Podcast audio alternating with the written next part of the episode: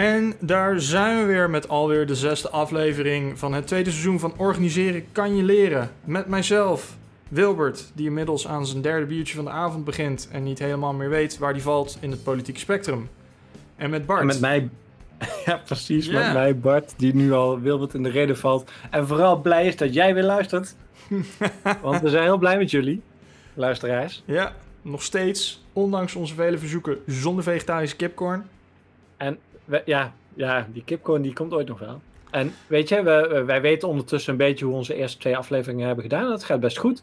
Eh, dit is dus de zesde aflevering. En ik, ik, ik ga er toch maar een beetje vanuit dat wij tegen deze tijd wel zijn geëxplodeerd. eh, eh, tot, tot toch wel een van de voornaamste podcasten. waarin zowel bier wordt gedronken als wordt gesproken over nou ja, manieren en, en, en, en, en, en, en wetenschap over organiseren. En eigenlijk alles waar we verder gewoon zin in hebben. Precies. Dus dat, eh, dat, dat zetten we voort. Ja. Ehm, Nou, Bart, we hebben de agenda omgegooid vorige keer. en terecht. En terecht. Dus. eh, Naar, naar klachten van, van mij. Precies. Dus wat, eh, wat, eh, wat ga je drinken, Bart? Ehm, ik denk dat ik twee afleveringen geleden een beetje heb lopen zeuren over een, eh, een, een, een zeker IPA-biertje. Mhm. Ehm, hoe- wat was het ook als weer? Was het nou New English of zo? Ja, Nijpa. eh Ja. Dus, dus ik heb hem hier. aha. ik had hem destijds al, al gedronken, maar we hadden er nog één in de kast staan, zag ik. En het leek me toch wel leuk om gewoon deze live af te kraken. Dus ehm, het is een, eh, een Jope craft beer. Mhm. eh, dus uit Haarlem. Ehm, en ik ga even opzoeken of ik nou kan vinden waar die NE voor staat. Had ik natuurlijk ook gewoon voor kunnen bereiden. Maar dat is gewoon niet hoe we hier, eh, hier rollen. Nee, Kennelijk. dit is, eh, deze podcast is rauw en ongefilterd. Hoe noem je dat ook alweer? Eh Gonzo of zo? Ja, Gonzo. Ja, Gonzo, dat was het. Ooit, ooit beroemd gemaakt door wat was het? Hunter S. Thompson van Fear and Loathing faam. Ah ja, ja. Goed, ik kan het niet vinden. Daarvoor heb Oh, ik al te jeetje. veel biertjes gedronken. En misschien gewoon ook een veel te zwaar biertje net. In een half uurtje. Dus... maar goed. Ehm, ik heb. ehm, dus ik dacht dat ik een Delirium Tremens in mijn kast had liggen. Maar dit Mhm. blijkt gewoon een Delirium Nocturnum te zijn. Oké. Dus nou ga ik gewoon naar mijn eerste donkere biertje van, deze, eh, van dit seizoen. Misschien wel de laatste jou kennen. Pot- Potentieel de laatste zelfs, ja. Maar goed, Oké. dat, eh, dat gaan we natuurlijk zien.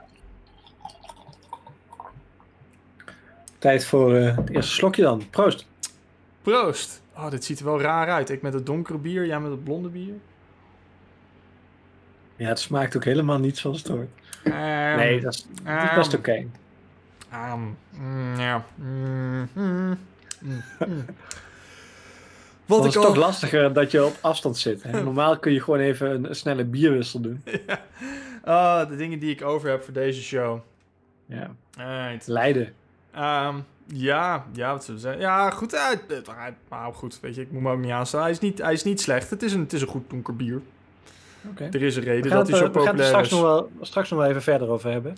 Dus- hey, ik, ik heb uit eh, betrouwbare bron vernomen dat wij het afgelopen half uur geen nieuwe mails binnen hebben gekregen. Eh, dat klopt, dat klopt. Sinds het eh, opnemen van de vorige aflevering en, eh, en deze aflevering is ongeveer 10 minuten verstreken voor ons. Het wij is, leven nog in, in mei. het is nog steeds 29 mei. Ja. Oké. Dus, dus nee, helaas geen nieuwe inzendingen meer. Maar goed, dit, dit betekent wel dat ehm, als we nu gebombardeerd worden met nieuwe mailtjes... eh, dan hebben we bij de volgende opname eh, gewoon eh, stof voor alle afleveringen. Dus als je, als je nu mailt met je commentaar, je suggesties... dan word je Ja. zeker weten behandeld in deze show. Eeuwigdurende roem. En los daarvan, nu we zo'n zo'n vaste agenda hebben, is het voor ons ook wel een les om niet in de eerste aflevering alle mail te behandelen. maar dat gaan we ongetwijfeld toch wel doen. Ik, we gaan het zien, we gaan het zien. Oké. Alles komt goed. Wat is het volgende punt op onze agenda? Ehm, binnengekomen post, rectificaties. Geen rectificaties. Alles wat we eerder deze aflevering of eerder deze avond hebben opgenomen is allemaal correct. Ehm onderwerpintroductie. Waar gaan wij het eens over hebben, Bart? Hmm. Ik heb zo'n gevoel dat jij daar wel iets over... eh, Ja, even een, een lekkere greep uit het verleden. Want we hebben dit eerder al een beetje behandeld in seizoen 1... toen wij het over dienend leiderschap hebben. hmm. eh, hebben gehad. Ehm, is misschien leuk om nu een stukje zelforganisatie en zelfsturing in te duiken Voor, binnen voor organisaties. beginnen, hè? Eh, we hadden het inderdaad vorig jaar over dienend leiderschap. En het viel mij toen wel op dat ik hier en daar ook nog wel het begrip teruglas. Dat is in de media. Bijvoorbeeld het NRC werd erover geschreven. Ja. Was dit nou even een, eh, een momentje van eh, eh, peak interest vanuit, vanuit de wereld in dienend leiderschap? Of is dat nu nog steeds? Oh nee, dat is nu, dat is nu alleszins nog steeds. Ehm, dus, voor mijn, ehm, dus voor mijn beroep. ehm, ik, ben, ik ben onafhankelijk trainer en consultant. voor bedrijven om, om ja, goed, toch wat meer toekomstbestendig en wendbaarder te worden. Ehm, geef, ik, eh, geef ik ook af en toe eh, webinars en, eh, en dat soort dingen. Ehm, en, en je merkt dat dienend leiderschap ehm, is nog steeds best wel een hot topic. Zeker juist in deze dagen waar mensen meer en meer vanuit huis werken. En dus ja, noodgedwongen eigenlijk vaak wat meer autonomie krijgen. Ehm, En ja, hoe ga je daarmee om als leider? Oké. En de reden dat het misschien interessant is om het, om het toch weer een stukje te hebben over, over autonomie en zelforganisatie is... Joh, waarom is dat nou zo belangrijk? Waarom is dat nou iets dat je na wil streven als organisatie? Hm. Ehm, en, en daar zitten verschillende redenen aan. Nou ja, de, de, de eerste die misschien bij veel mensen opkomt is van... Nou, weet je, ehm, iedereen heeft... eh, eh, vrijheid gekregen. Hè? Dat is het leuke van, van leven in deze maatschappij. Dus het, is gewoon ethisch goed om, om toch wel enigszins je eigen leven onder controle te hebben. Ehm, maar er blijken gewoon best wel hele grote economische en maatschappelijke voordelen te zitten aan meer autonomie en zelforganisatie ehm, binnen organisaties.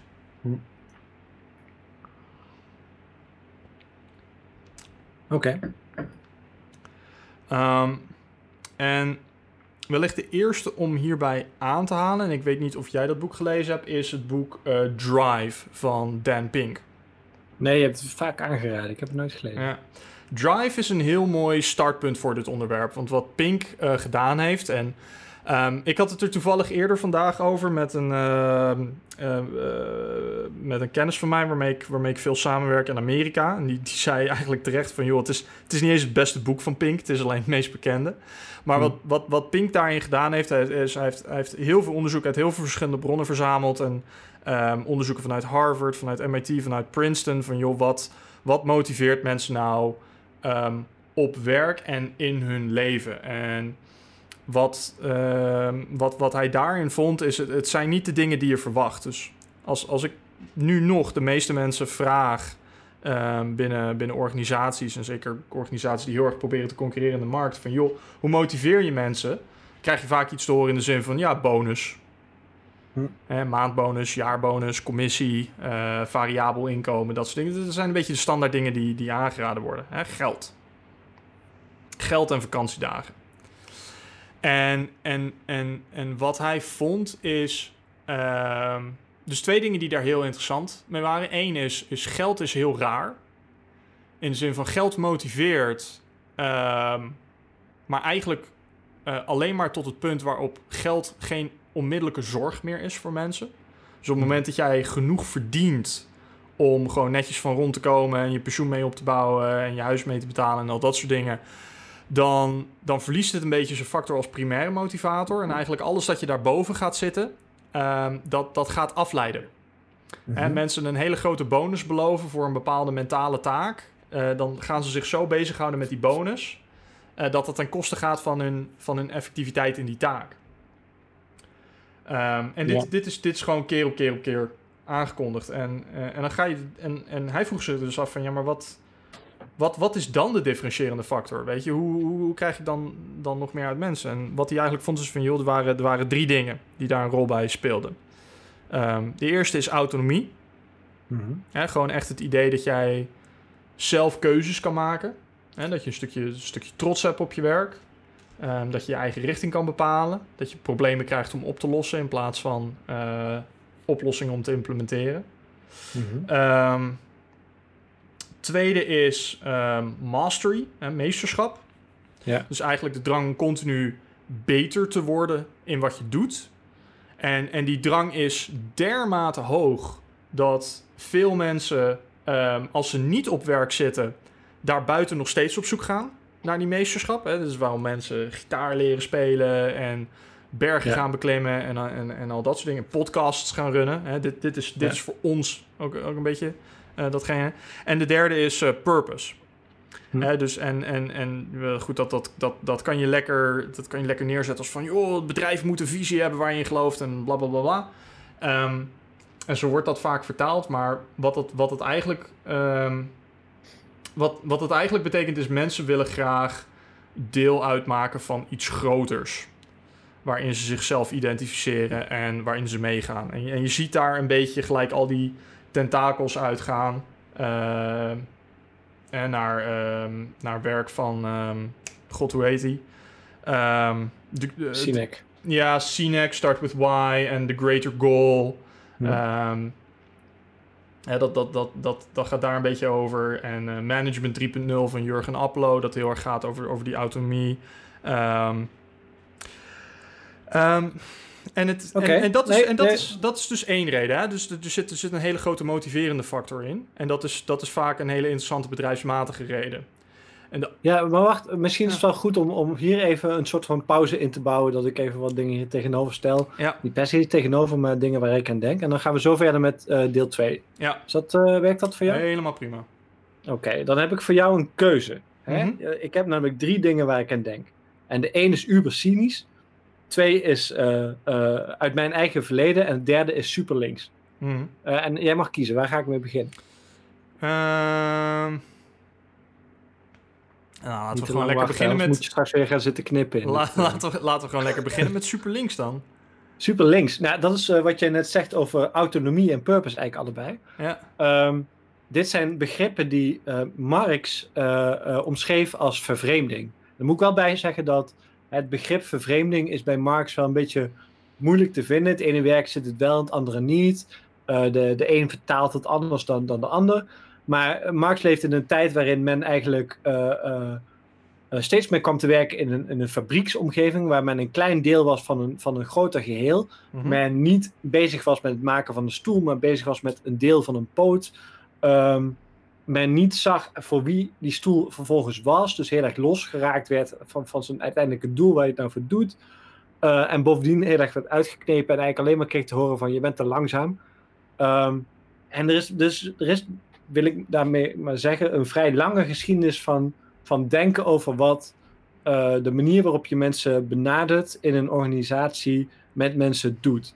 Ja. Ehm, dus dat was mijn, mijn eerste gedachte. Nou, dan hebben we nog eh, cynisch en mijn verleden hebben we nog. Ja. Eh, dus welke van de twee? Eh, nou, laten we, laten we cynisch dan doen. Cynisch, ja. Dat, dat, je had het net over het motiveren van een bonus. En toen Mhm. moest ik gelijk weer denken aan, want wij zitten nu nog in eind mei, hè? Mhm. En dat is het moment dat KLM, dat die topman toch, ik weet niet hoeveel miljoen naar zich toe geschoven kreeg. Eh, of in ieder geval een heel erg groot bedrag, ondanks dat het bedrijf echt gewoon, gewoon de facto failliet is. En eh, we nog wel moeten zien wat er allemaal gebeurt en de staat eh, miljarden naartoe schuift. Ja. Eh, en, en, en, en de minister van Financiën die stemt tegen. Die wil niet dat die topman eh, die bonus krijgt, maar hij is de enige, dus, eh, dus dat gebeurt al- alsnog. Waarom gebeurt dat? Omdat aandeelhouders weten dat als wij die bonus niet geven, dan luistert de topman niet naar wat het belang van de aandeelhouder is. Dat is Ja. het cynische wat daarin zit. En het motiveert dus op een bepaald moment op een bepaalde manier. En het wordt heel, zeker in de top, op zo'n manier ingezet volgens mij. Ja. En dan heb ik nog mijn laatste ding. Mhm. En dat Mhm. is mijn verleden. Ik heb dus ooit, eh, ja, ik, ik heb een, een HBO bedrijfseconomie, hè, voordat ik eh, naar de universiteit ging. En daar hadden we bedrijfsethiek. En dit is ook wel een deel cynisch hoor, maar het is ook Mhm. wel, nou goed. En daar, daar heb ik hier voor het eerst voor gehoord. Daar was, was, een, was een docent. En die vertelde, of die doseerde van, joh, de beste manier om mensen te motiveren is gewoon niet geld. Men wordt niet gemotiveerd door geld. Dus het is heel belangrijk als je jouw organisatie inricht, als je echt wil dat je winstgevend bent, dat je zorgt dat mensen harder werken omdat ze hun werk belangrijk vinden. En nou ja, dat is aan de ene kant waar, maar het is ook ergens heel cynisch. Ja? Uh, want als je uiteindelijke doel vervolgens is van het is heel belangrijk dat jij nog harder werkt om bij deze McDonald's kassa uh, in je eentje het aan te kunnen om tijdens spitsuur al die hamburgers over de, over, over de toonbank te... Dan ben je dus uiteindelijk niet met een groter doel bezig en dan ben je gewoon iemand aan het manipuleren voor... Ja. Dus dat, uh, daar moest ik ook even aan denken. Ja, en ik weet niet of dit allemaal per se uh, aanslaat op wat jij ongeveer bedoelt, maar het nou, zijn ja, het is, associaties. Het, het, het, het, raakt, het raakt absoluut, uh, het raakt absoluut bepaal, bepaalde dingen daaraan.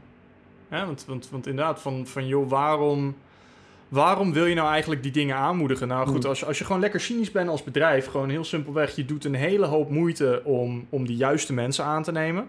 Mm hè, capabele mensen, vakmensen met hopelijk trots in hun werk.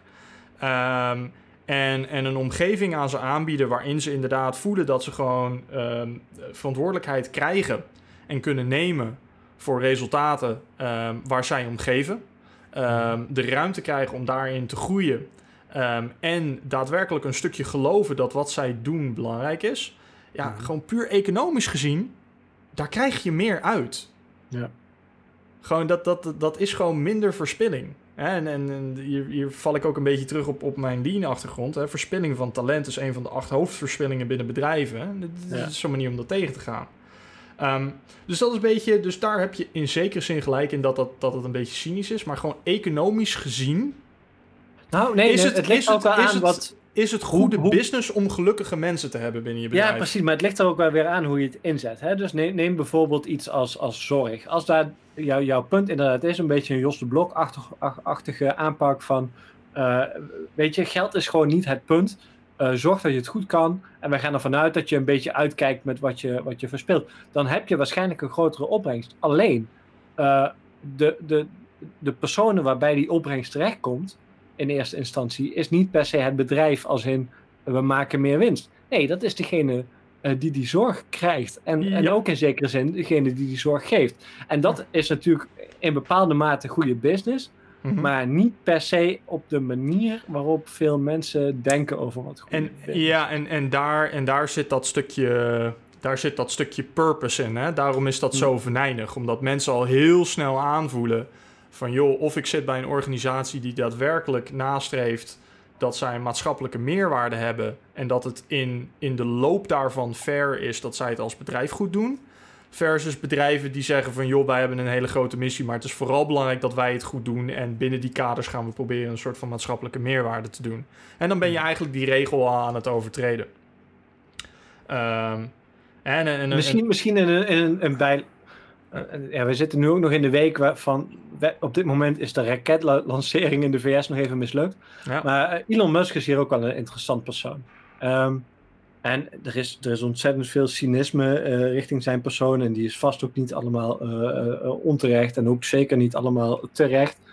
Um, maar rondom, rondom coronacrisis is, is met hem ook wel iets interessants gebeurd. Hè? Dus je hebt aan de ene kant heb je iemand die doelen stelt die, nou ja, vrij overduidelijk niet per se allemaal. Het zal voor een deel ook wel ego en, en, en dergelijke zijn. Maar voor een deel ook is het een grotere missie. Met, met, je ziet de wereld vergaan en je denkt: wat zijn nou de manieren waarop je kan redden? Ja.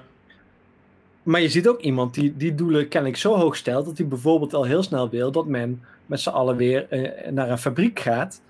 Uh, uh, om die Tesla's maar in elkaar te zetten. Ondanks dat die risico's misschien wel behoorlijk groot zijn. Tuurlijk. En ik denk dat dit een van de eerste momenten is dat bij deze persoon, die toch wel vrij prominent is, en ook zeker in, in, nieuwe manieren van, van nadenken over wat bedrijven nou zijn en wat, wat de rol is en wat, wat vooraanstaande innovatieve bedrijven zijn, waarin bij hem toch een beetje doorschemert dat hij uh, toch wel wat, wat, wat, wat, wat, wat moeilijke ethische. weet, je, weet, je wat ik erop weet je wat ik interessant zou vinden? Um, is, want, want, want, want die schijnwerper is heel erg op Elon Musk gericht. Ehm, maar een van de dingen die je wel tegenkomt bij in, in, ieder geval sommige delen van Tesla, en dat is absoluut niet universeel, maar er zijn daar een hele hoop mensen die, die datzelfde geloven. Hè, die Mhm. oprecht geloven in die missie. En ik kan me heel goed voorstellen, en wederom, die, die, die interviews zijn nog niet geweest, dat er waarschijnlijk heel wat mensen zijn die bij Tesla werken, die geloven in wat Tesla doet, die evenzeer zaten van ja, maar ik Ja. wil aan het werk, want dit is gewoon belangrijker Ja. dan, dan apart blijven. Dus ehm, ik weet niet of ik dat, of ik dat, of ik dat zomaar bij Hm. Elon Musk zou, zou leggen op die manier. Ehm, Ja. Maar goed, hè, maar, dat, maar dat is, dat, dat is, Dat dat is is een de, interessant perspectief. eh, perspectief. maar dat is de, dat is de organisatie-economische blik erop. En dat, dat is gewoon, dat is, dat is lekker cynisch, maar vaak een goed ding. Ehm, een andere blik daarop. En ehm, dat, die, die, daar ben ik achter gekomen een beetje vanuit mijn, vanuit mijn eigen historie. Ik heb, ik heb vorig jaar redelijk geworsteld met, ehm, met depressie. Ehm, en ik ben me daar toen ook op gaan inlezen. En eh één boek dat ik daarin eh, eh, ben tegengekomen dat mij gewoon heel, heel veel geholpen heeft qua aanhopingspunten, was het boek Lost Connections van Johan Hari. En een beetje vergelijkbaar met Pink in de zin van hij verzamelt gewoon data uit heel veel wetenschappelijke bronnen, heel veel interviews met eh, gewoon toonaangevende onderzoekers op het gebied van depressie. Ehm, om een beetje te kijken van, joh, wat is nou de oorzaak daarvan en waarom zien we dat nou toenemen in de moderne maatschappij? En, en je ziet dat daar best wel een groot verschil is. En dat verbaasde mij heel erg. Tussen de wetenschappelijke blik op depressie en een beetje de maatschappelijke eh, blik op depressie. Maar in de maatschappelijke blik op depressie is van, joh, er is iets mis met je hersenen. Ehm, hè, dus er is een Hmm. biologische oorsprong of je bent meer vatbaar ervoor. Ehm, en eh, nou goed, daar moet je therapie voor krijgen en medicatie en, eh, en, en, en dat soort dingen. Ehm, terwijl eigenlijk de, veel meer de consensus vanuit de wetenschap is van... Nou, biologie speelt misschien een rol, maar eigenlijk het overgrote deel daarvan is omgeving.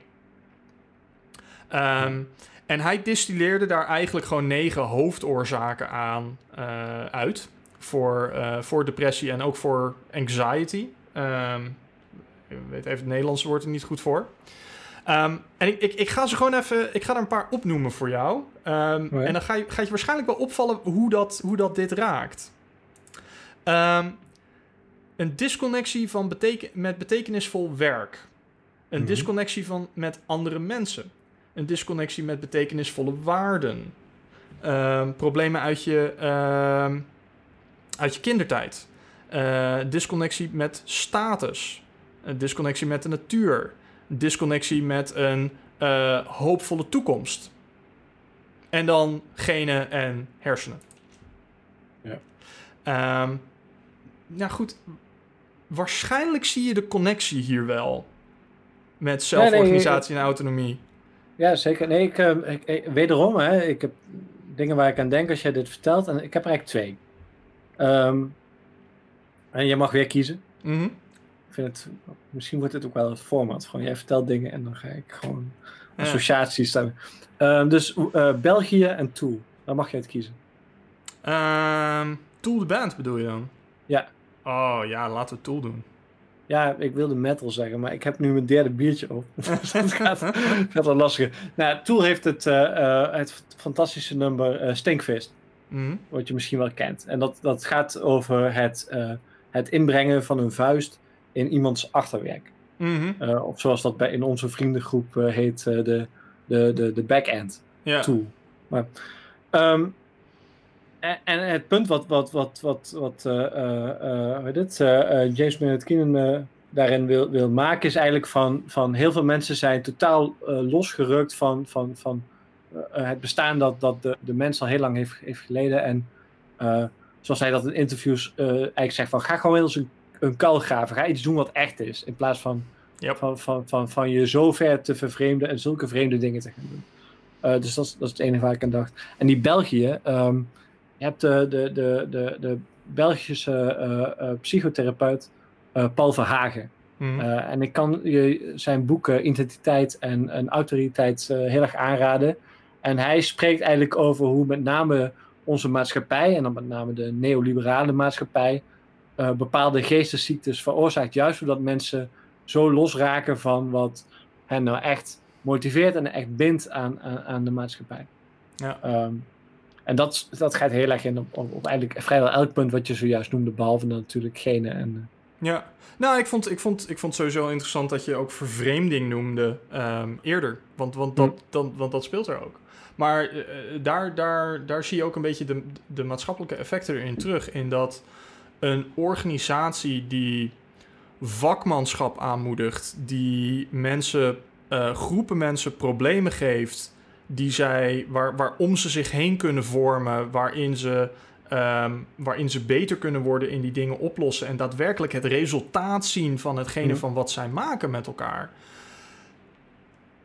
Los van dat dat gewoon goede business is, verlaagt het ook gewoon het aantal burn-outs en depressieve mensen en Ja. overstresste mensen. En weet je, iedereen heeft daar baat bij. Ja.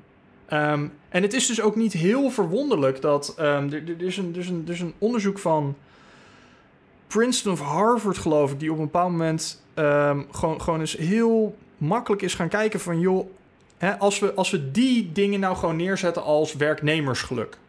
Hm. Wat is de ROI op, op werknemersgeluk? En daar kwamen ze erachter. Return on investment. Ja. Hè? Dus wat is En- nou je, En, en daar je kwamen ze erachter. van, van wat is nou de winst per, Ja. per, per, per, per euro die je investeert? Voor elke dollar die een bedrijf goed investeert in werknemersgeluk, hè, dus in die autonomie, in Mhm. die zingeving, in dat meesterschap, ehm, daar verdient dat bedrijf en de maatschappij 5 dollar op. Ja. Zo groot is die impact daarvan. En dat is. ehm, en dat, dat is dus een van die redenen waarom ik, waarom ik dat zo, zo, zo, zo heel erg belangrijk vind. Waarom ik zoveel met bedrijven daarin werk. Van joh, we hebben zoveel slimme mensen in de maatschappij. Zoveel kundige mensen in de maatschappij. Die echt wel willen. En dat, dat zie je aan de hobby's die mensen erop nahouden. En het vrijwilligerswerk dat ze doen. En de dromen die ze hebben. En ehm, als jij je organisatie inricht op zo'n manier dat je dat, dat je dat makkelijker maakt. En dat je dat aanmoedigt en dat je mensen ondersteunt in die groei. En dat, dat is waar dienend leiderschap vaak een rol speelt. Joh, daar heeft iedereen baat bij. Ja. Echt, daar, daar zijn geen verliezers in. Nee. Ehm, en toch is het zo heel, heel moeilijk om te doen. Ja, misschien is dat ook niet echt een tegenstelling. Eh, dit soort dingen zijn ook moeilijk. Zeker zo, in het denken van nu. Omdat, omdat ironisch genoeg zijn het vaak de bedrijven die heel erg ehm, efficiëntiegericht zijn. Ja. Hè, dus echt, echt de kwalijke uitwas van nou, wat je misschien neoliberalisme noemt, maar wat ik gewoon kortzichtig zaken doen noem. Ehm, die, die overtreden dit handen en voeten. Ja, maar eh, hetzelfde zie je bij de manier waarop er met de publieke sector wordt omgegaan. Dus dat, dat verschilt niet per se. Ja, dus is een plek waar, weet je, geen mens wordt leraar voor het geld. Ja. Eh, en toch is dat min of meer hoe we mensen, mensen behandelen. ja, Eh, en wat, wat zie je vervolgens? Dat, dat leraren die, die te weinig geld hebben om een linealen aan te kopen, het dan maar zelf doen. Weet je, dat is, dat is de maatschappij van nu. Ja. Oké. Oké. Eh, volgens mij zijn we er een heel eind eh, doorheen gekomen. ja. Heb jij nog vragen, Bart? Ehm, nee, ik heb al eens vaker gezegd hier in, in, in deze podcast dat ehm, intuïtief en, en ook ehm, op basis van, van wat, wat ik weet van hoe je een goede organisatie in elkaar zet, ehm, is eh, zelfsturing ehm, en autonomie eh, eh, absoluut het, meest, het beste wat je kan doen. Uh, maar het is ook heel erg moeilijk om te doen. En ook heel erg moeilijk om goed te doen. Yep. Um, en gelukkig maar, dan... anders zou ik geen geld verdienen. Ja, ja, dat is goed voor jou. Maar het is ingewikkeld voor... Uh, zowel om het zelf op een goede manier vorm te geven... Um, als om niet toch in de valkuilen te trappen... waarin we met z'n allen heel vaak, vaak ja. trappen. Ik denk... Uh, ik, ik denk dit, dit is een van de, van de weinige afleveringen waarin ik, ik het gevoel heb dat wij het gewoon totaal niet oneens zijn met elkaar. ja, dat zou zomaar eens kunnen. Hoewel we het misschien anders noemen op sommige momenten. Ja. Ja. Hm. Maar, maar eens, maar eens. Het is, het, is, het is moeilijk om te doen. En ehm, wat, wat vooral moeilijk is, is eh, organisaties die al heel lang volgens een ander model werken. Ehm, hè, waar, waarin mensen heel erg wordt, wordt aangeleerd om vooral op zichzelf te letten en heel politiek te spelen. En waar ze heel klein gehouden zijn, is van, in van joh, dit is waar jij verantwoordelijk voor bent en niks anders mag je doen. Om daar Ja. omslag in te maken is heel moeilijk. Het is heel veel gedrag afleren. En, Zeker. Maar dat, dat had ik ook nog even te denken van... van eh, zeg maar, je hebt, je hebt in je leven ook een aantal bazen gehad. eh, nu dan niet, maar... maar, maar Zo, zou mijn baas nu Ehm, moeten tegenkomen, man. Wat een rotzak. Met zijn podcast. Ja, maar ik weet van mezelf bijvoorbeeld dat ik, dit, dat ik hier heel slecht in zou zijn. Ik heb niet de goede karaktereigenschappen om dit op een goede manier vorm te geven. Oh. Eh, en ik heb baas gehad die er hier heel, heel erg goed in zijn geweest en heel, goed, heel slecht in zijn. Ehm, en het is ook best wel moeilijk om dat bij jezelf in te zien. Ik hoor dat ook wel vaak van, van, van, van mensen met wie ik spreek, dat zij voor een baas werken die van zichzelf denkt van, ik ben daar heel erg goed in. En mensen die ook, ook blogs schrijven en, en, en podcast opnemen met hoe je dat dan zou moeten doen, terwijl hun, hun, de mensen die voor hen werken eh, gewoon totaal diep ongelukkig zijn. Ja, En dat is, ja, dat is toch wel heel erg. ja, Ehm, maar goed. zeker. Zeker. ja, ja, het blijft, eh, het blijft lollig. Nou ja, Het blijft werken. En, en het is ook, weet je, het is ook gewoon niet iets dat mensen. Het, het begint nu meer en meer in zwang te raken. Maar het is niet iets wat, wat mensen aangeleerd wordt. Ehm, het, is, het is niet het model dat nu grotendeels gebruikt wordt. Ehm, dus ja, het is, het is veel. Het is veel gewoon zelf uitzoeken en experimenteren. En hopen dat je ook eh, de, de ruimte krijgt om je dat eigen te maken. Eh, die stijl van leiderschap die daarbij nodig is, maar ook de, de, de, de, het groeipad dat mensen moeten doormaken voordat je op een verantwoorde manier autonoom kan zijn. Ja, maar niet alleen dat. Ik denk dat het ook te maken heeft met hoe de omgeving wordt vormgegeven. Hè? Dus Ja. wij hebben het heel af en toe, we hebben het volgens mij vorige, vorige podcast veel over onderwijs gehad. Ja. Je ziet nu dat onderwijs heel erg wordt vermarkt. Ja. En dat betekent dat scholen meer en meer geld moeten uit gaan geven voor reclame. Hè, gewoon publicitair, het aantrekken van, van, van, van leerlingen. Al dat soort zaken beïnvloedt vervolgens hoe zo'n organisatie in elkaar zit. En juist op zo'n plaats eh, kan dat heel erg problematisch worden. Ja, en daarom gaan Ehm. wij het in een volgende aflevering over gedragseconomie en nudge theory en al dat soort andere leuke dingen hebben. Ja, oh, Want wij gaat- zitten aan we- onze- We zitten aan onze Gaan we eindelijk naar de, de, de nuts toe, want ik denk dat we daar nog wel wat meningsverschillen tegen gaan komen. Maar goed, dat Ja. Ja, ja. Bart, hoe was je biertje? Ehm, ik moet bekennen dat ik... ehm, kijk, die, die, die Nijpa, het is wel oké. Mm. maar ik ben af... Ik, ik had nog een klein beetje van mijn, eh, mijn helligheid eh, staan. dus ik heb ze een beetje afgewisseld. Ja, Eh, en zeker dan is het erg goed te doen. En bij jou dan? dat scheelt. Ehm, ik ben gaan wennen aan de, aan de delirium. Hm. En het is... eh, ik, weet, ik weet nog steeds niet of ik hem, eh, of ik hem zou... Nee, ik weet dat ik hem niet zomaar zou bestellen. Ehm, maar eh, ja, een beetje, beetje de, de, toch de, de, de, de zoetigheid en de toffee en dergelijke. Het is niet, eh, het is niet geheel onplezant. Ik denk dat het misschien nog wel lekkerder zou zijn met de kipcorn erbij. Oh, Bart, mijn hart. Mijn hart is leeg en dient gevuld te worden met vegetarische kipcorn. Precies. Ehm, maar goed, we doen ons best en we hopen op het beste. Ja. Ehm, Trouwens, wat we niet hebben besproken. eh, Heb Hm. je dit al? eh, We hebben hier een, een camera aanstaan die we verder gewoon niet aan jullie laten zien, want, want Wil heeft geen broek aan. Ehm, maar, maar kijk eens op mijn kin. oh, god, grijze haren. Oh, en je Nee, hebt je- ja. Grijze haren, joh. Ik, ik, ik ben grijs geboren. niet omheen draaien. Maar ik ben al heel mijn leven grijs. je bent je glorieuze Marksbaard kwijt, joh. Ja, het is echt gewoon een klein baardje nu. Ja. Ja, nee, ik moest toch weer naar buiten. En eh, het is gewoon gebeurd. Ja. Mooi, man. Dus, eh, en, en ja, en nu zit er nog dit.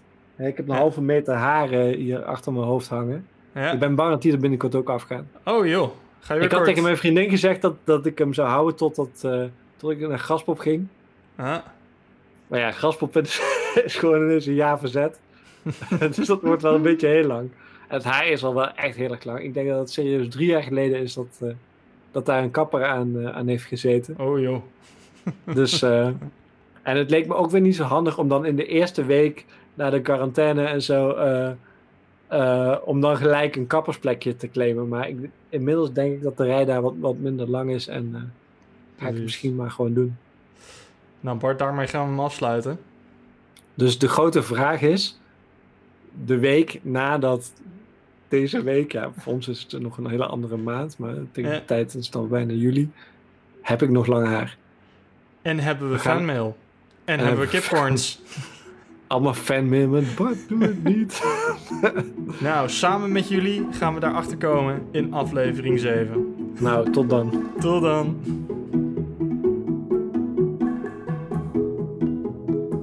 Dank jullie wel voor het luisteren van deze aflevering van Organiseren kan je leren.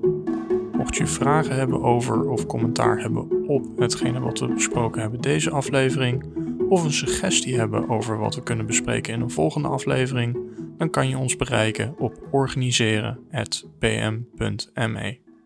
Dank jullie wel en tot de volgende.